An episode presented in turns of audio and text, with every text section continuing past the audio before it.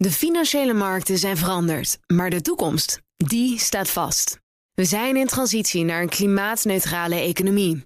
Dit biedt een van de grootste investeringskansen van onze generatie. Een kans voor u om mee te groeien met de pioniers van morgen. Meer weten? Ga naar carbonequity.com. Carbon Equity. Do good by investing better. keer breekt die goudprijs echt alle records. Dat en meer komt uh, ter sprake in het beleggerspanel. En daar zit Janneke Willemsen, freelance journalist, ook van blondjesbeleggenbeter.nl, van het gelijknamige boek overigens ook nog eens. En Jacco Heemskerk, hoofdbeleggingen bij Willis Towers Watson. En sinds een paar weken niet meer voorzitter van de CFA Society VBA uh, Nederland, de branchevereniging. Nee, Thomas. Wat jammer voor die aankondiging. Meer tijd om ervoor te bereiden op de radio Ja, zeker. Maar ik vond het zo heerlijk om jou aan te kondigen. Maar goed, er blijft nog wat over hoor. Met de Willis ja. Towers Watson. En Lieve de Klerk is mijn zakenpartner van vandaag. Directeur van SPI Nederland. Welkom allen.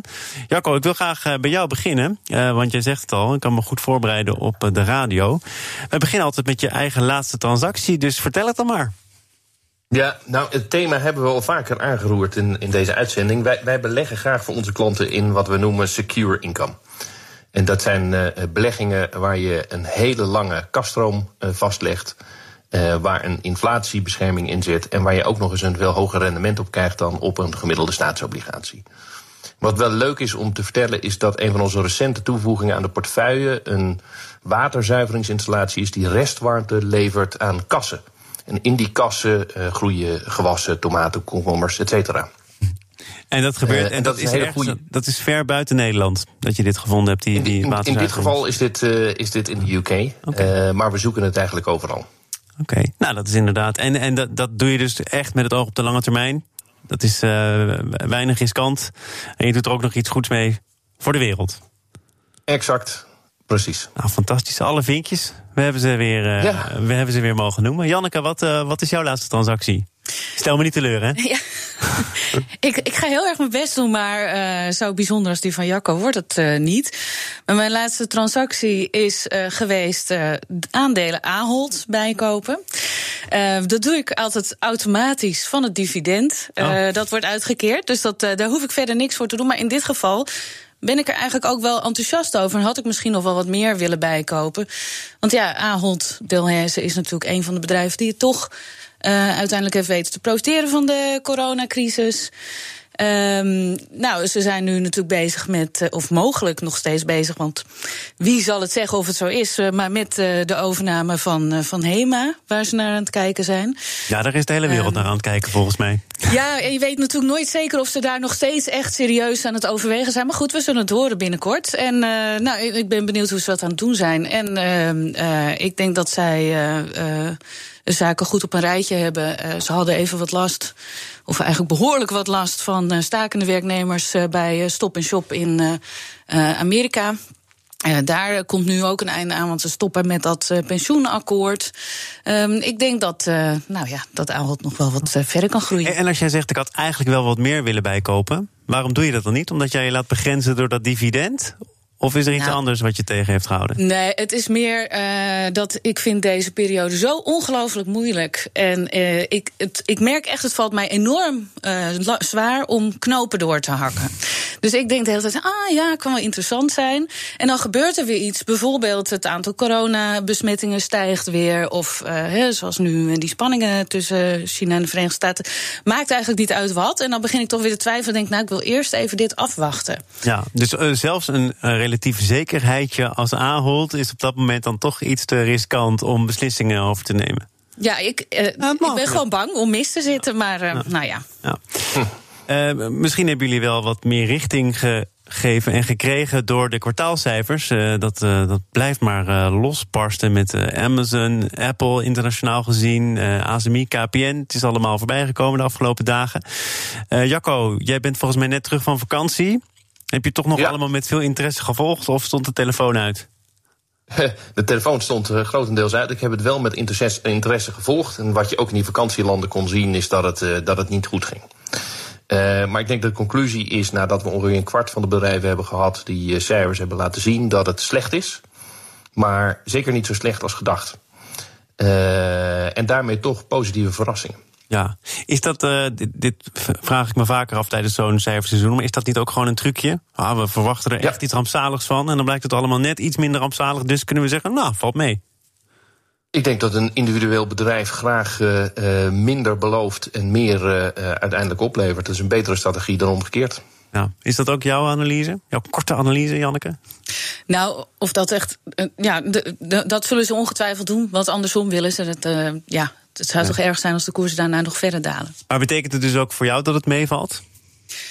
Um, ja, het valt mee. Ja, we krijgen deze week nog van alles natuurlijk. En uh, daarvoor is nu weer de verwachting dat dat weer tegen gaat vallen. Ja, wat, dus, wat uh, krijgen we ja. nog waarvan jij nu al denkt... ja, dat vind ik wel peren interessant? Nou, uh, onder andere Shell op donderdag. Maar uh, sowieso is donderdag uh, hier en in de Verenigde Staten een, een megadag vol met cijfers. Want ook al die techbedrijven die komen donderdag met hun kwartaalcijfers. Of ja, kwartaalcijfers. Dus ik ben eigenlijk naar allemaal wel heel erg benieuwd. En met name ook bijvoorbeeld bij die techbedrijven of zij het. Ja, het zal een heel goed kwartaal geweest zijn, maar is het ook zo goed ja. als dat we nu allemaal ja. verwachten? Viel Microsoft niet een klein beetje tegen? Dacht ik. Nou, volgens mij viel het wel. Ja, ja was het een beetje. Ik dacht dat de clouddiensten, dat daar meer van werd verwacht dan uiteindelijk op de borden stond. Van nou, dat viel dan toch een klein beetje tegen. Want van techbedrijven geldt dus andersom. Daar wordt nu wel de hele wereld van verwacht. Ja. En uh, om dat aan te tikken moet het ook wel allemaal meezitten. Ja, ja, helemaal waar. Ja, weet je, voor al die techbedrijven geldt dat natuurlijk nu. Dat die uh, verwachtingen zo hoog gespannen zullen zijn. En uh, wat ik bijvoorbeeld ook wel een interessant bedrijf vind, is bijvoorbeeld Amazon. Uh, wat natuurlijk dit jaar al verdubbeld is. Ja. Achteraf denk je, ja, had ik het maar in maart gekocht. Maar ja, hè? kan niet en altijd. Zit het in je portefeuille? Nee, nee, maar het is er wel weer een die op een lijstje ja. staat. ja. Het zit natuurlijk wel in de meeste portefeuilles van mensen. Als je nadenkt over die grootste techbedrijven, de grootste vijf of misschien de grootste techbedrijven in totaal, dan uh, wat is het, 20% van de Nasdaq en uh, ruim, uh, ruim 10% van, van de beurs in, in de Verenigde Staten. Dat is ontzettend groot. Dus als het een beetje tegen zit, dan, dan treft het natuurlijk ook de indices wel hard. Ja, en, en, en dat, daar geldt dan ook voor, omdat het zo'n uh, groot gedeelte beslaat inmiddels, geeft het ook soms een beetje een vertekend beeld van hoe de beurs ervoor staat. Want de beurs is meer dan technologie, maar als je kijkt hoe die beurzen dan zijn samengesteld, dan is technologie wel een heel groot deel. Maar dat zegt nog niks over de bedrijven die achterblijven, Jacco.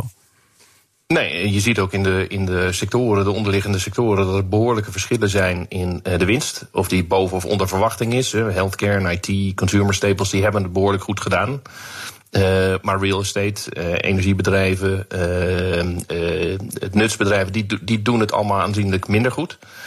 en als je kijkt naar de grootste dalingen in de revenue, zie je ook behoorlijke verschillen tussen, tussen sectoren. Ja. Hoe, hoe nemen jullie zelf eigenlijk bedrijven die nu bewust stappen zetten op het gebied van duurzaamheid mee in je waarderingen? Jacco? Nou, daar kijken we heel specifiek naar. Al is het maar omdat de beleggers, onze eindbeleggers, pensioenfondsen, uh, buitengewoon keen zijn om te beleggen in bedrijven die daar oog voor hebben. Dus in onze research nemen we dat nadrukkelijk mee. niet alleen omdat het het goede is wat je zou moeten doen, maar ook vanuit een risicomanagement optiek. Bedrijven die, die, die niet duurzaam beleggen, die zijn misschien op korte termijn hebben die wel goede aandelen, maar op lange termijn zijn die aandelen minder aantrekkelijk. En dat doe je dus nu meer in deze tijden van onzekerheid dan anders? Uh, ja, maar dat heeft ook mee te maken dat uh, duurzaam beleggen natuurlijk een enorme wind in de rug heeft. een enorme opmars doormaakt. Dus ook zonder COVID-19 zouden we die trend wel hebben gezien. Over duurzaamheid gesproken. Uh, jij noemde net ook Shell als uh, interessant. Die uh, hebben de afgelopen tijd moeten morrelen aan het dividend. de berichten over Shell zijn ook de afgelopen dagen, afgelopen weken niet heel erg florisant. De slecht nieuwsshow is nog niet voorbij. Wat verwacht jij dan deze week van Shell en van, van dividenden? Nou, ik ga ervan uit dat Shell er alles aan zal doen om dat dividend uh, gewoon te handhaven zoals het nu is. Want ze hebben het al van, ik geloof, 47 cent naar 16 bijgeschroefd. Dat is even aan jou, maar dat was ehm, historisch in ieder ja, geval. Precies. En, um, en ik denk dat ze dat zich nu niet nog een keer uh, op de hals zullen halen.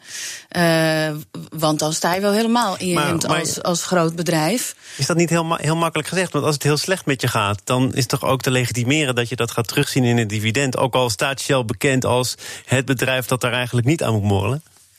zeker. Ja, kijk, als de nood echt hoog is, dan zal je wel wat moeten. Maar dat zal het laatste zijn wat ze nu nog willen doen. Ja. En, en ze, zijn, uh, ze geven allerlei verwachtingen af over uh, de olieprijs. Maar we zullen waarschijnlijk zien uh, dat ze het afgelopen kwartaal ook enorm veel last hebben gehad van die lage olieprijs.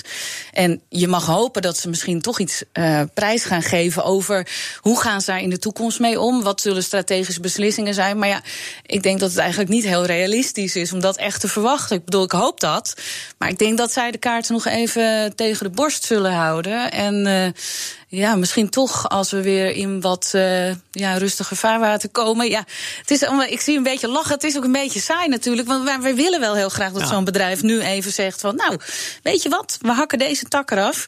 Maar dat gaan ze natuurlijk ook niet Nou ja, doen. Dat ik- zijn zorgvuldige beslissingen. Ik, ik kan wel met veel gemak naar een wat minder saai bedrijf gaan hoor. Want het blijft het beleggerspanel. hè. We moeten het even over Wirecard hebben. Jawel.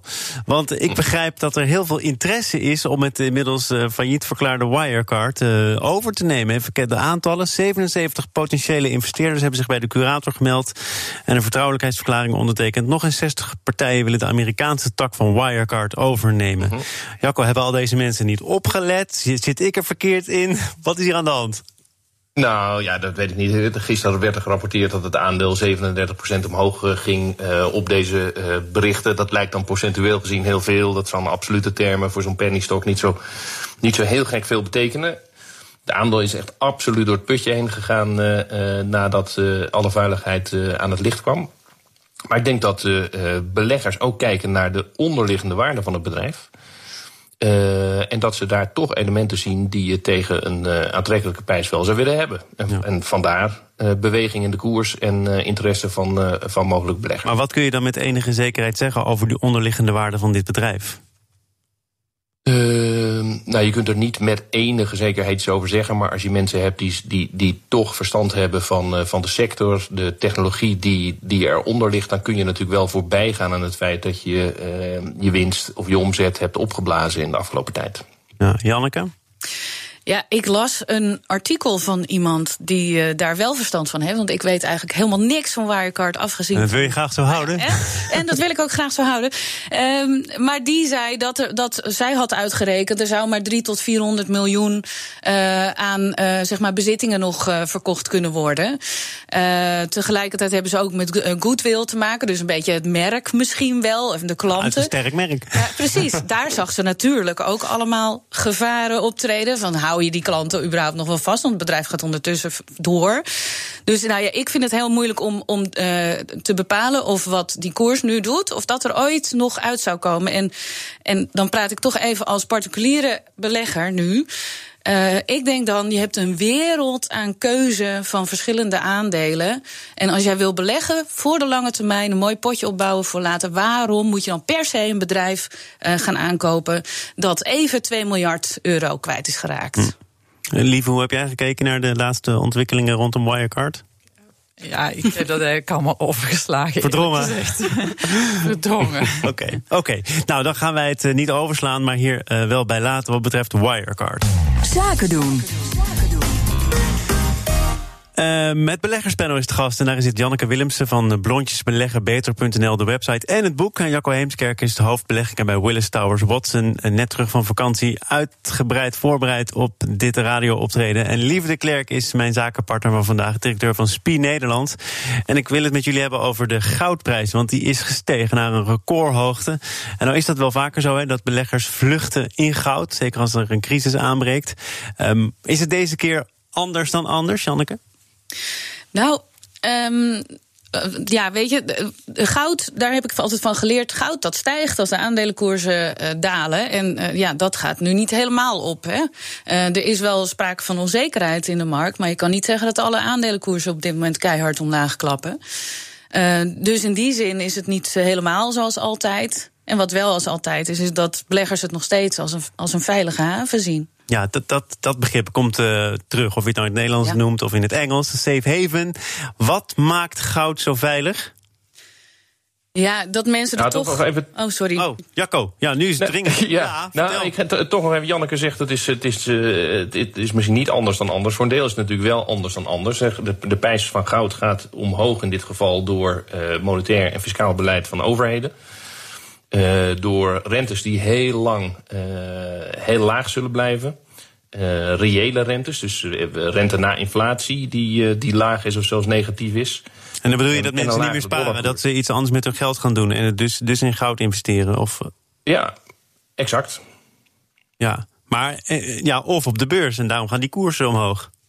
En, en alles gaat omhoog. Dus als je heel erg veel geld in een economie pompt, uh, dan gaat uiteindelijk alles omhoog. En datzelfde kun je natuurlijk eh, bedenken over de, uh, het verband tussen aandelen en obligaties. Ook daar was het vaak een, een, een, logisch verband dat als aandelen omlaag gingen, dat de obligaties omhoog gingen. Ja, die hebben in tandem de afgelopen tien jaar toch ook de rit omhoog gemaakt. Ja, maar, maar uh, ik, ik zit niet in goud. Ik zit eigenlijk nergens in. Maar je krijgt er geen rente op, je krijgt er geen dividend. Nee. Het kost een lijkt, lijkt me ook een bezwaar. Het blinkt. Ja, het, het, het blinkt. Exact, dus je moet hele lage rentes hebben om dat goed te maken. Ja, ja maar het is eigenlijk niet, niet in alle opzichten even aantrekkelijk, toch? Goud? Ik, eh, nee, voor mij zou het niet, eh, niet enorm aantrekkelijk zijn. Je kunt het zien als een veilige haven en een diversificatie-instrument. Dat kan. Je kunt bang zijn tegen, uh, voor inflatie. Of misschien wil je het ritje meemaken en, en, en zie je het momentum als een goed, uh, goede kans om te beleggen. Hm. Janneke, zit, jij in goud? Nee, ik zit niet in goud. En um, nou, dan heb ik even gekeken, verwachtingen. Een aantal analisten zegt, oh, dat kan nog best naar 2000 dollar. Het staat nu zo rond de 1900.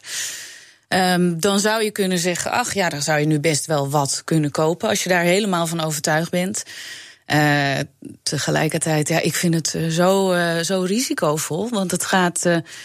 ook die, die koersen, die goudkoers, die goudprijs is, is enorm bewegelijk. En als je nou echt bang bent en je denkt, nou, ik wil iets dat waardevast is dan zou je eigenlijk al naar het fysieke metaal moeten gaan kijken. Nou, en daar ben ik ooit eens een keer helemaal volledig van in paniek geraakt. Toen ik dacht tijdens de kredietcrisis dat ik alles moest verkopen en dan maar goud. En dan dacht ik, waar moet je dat laten? En uh, als je dat in een kluis stopt, kost het ook weer geld. Daar had Jacco het net eigenlijk ook even over. Um, ik vind het niet de makkelijkste beleggingscategorie, zal ik maar zeggen.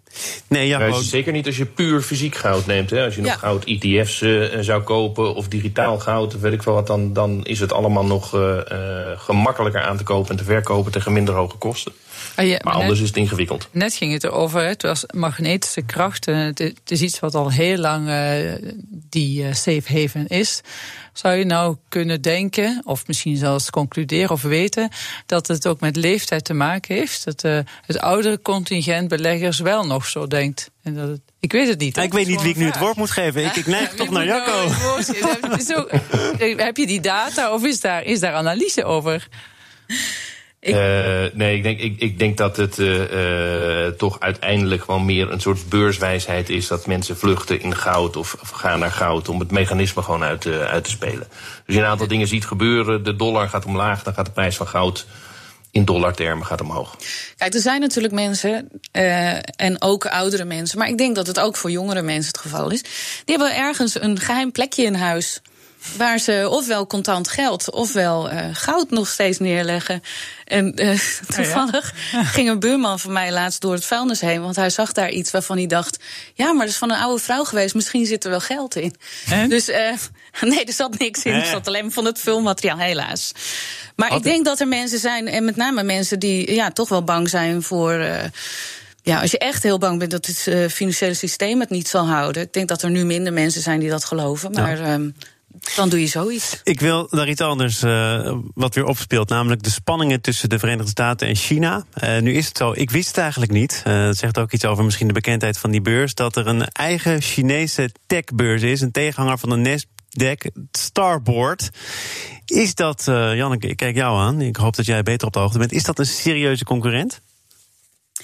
Nou, um, wat ik ervan begrijp is dat die ook uh, vooral ook is opgericht vanuit die spanningen die er nu ook zijn tussen China en de Verenigde Staten. En vanuit de wens van uh, China om niet al die grote Chinese techbedrijven steeds maar naar de Nasdaq in Amerika uh, te zien. Op naar huis, blijf thuis. Dat is eigenlijk een beetje de gedachte daarachter, toch? Ja, ja, en uh, nou, het, het kan best interessant zijn natuurlijk. Uh, en en uh, het bestaat nu net een jaar en ik begrijp ook dat het nogal volatiel kan zijn en dat die aandelen daar bijvoorbeeld veel meer waard kunnen zijn dan hetzelfde aandeel op een andere beurs.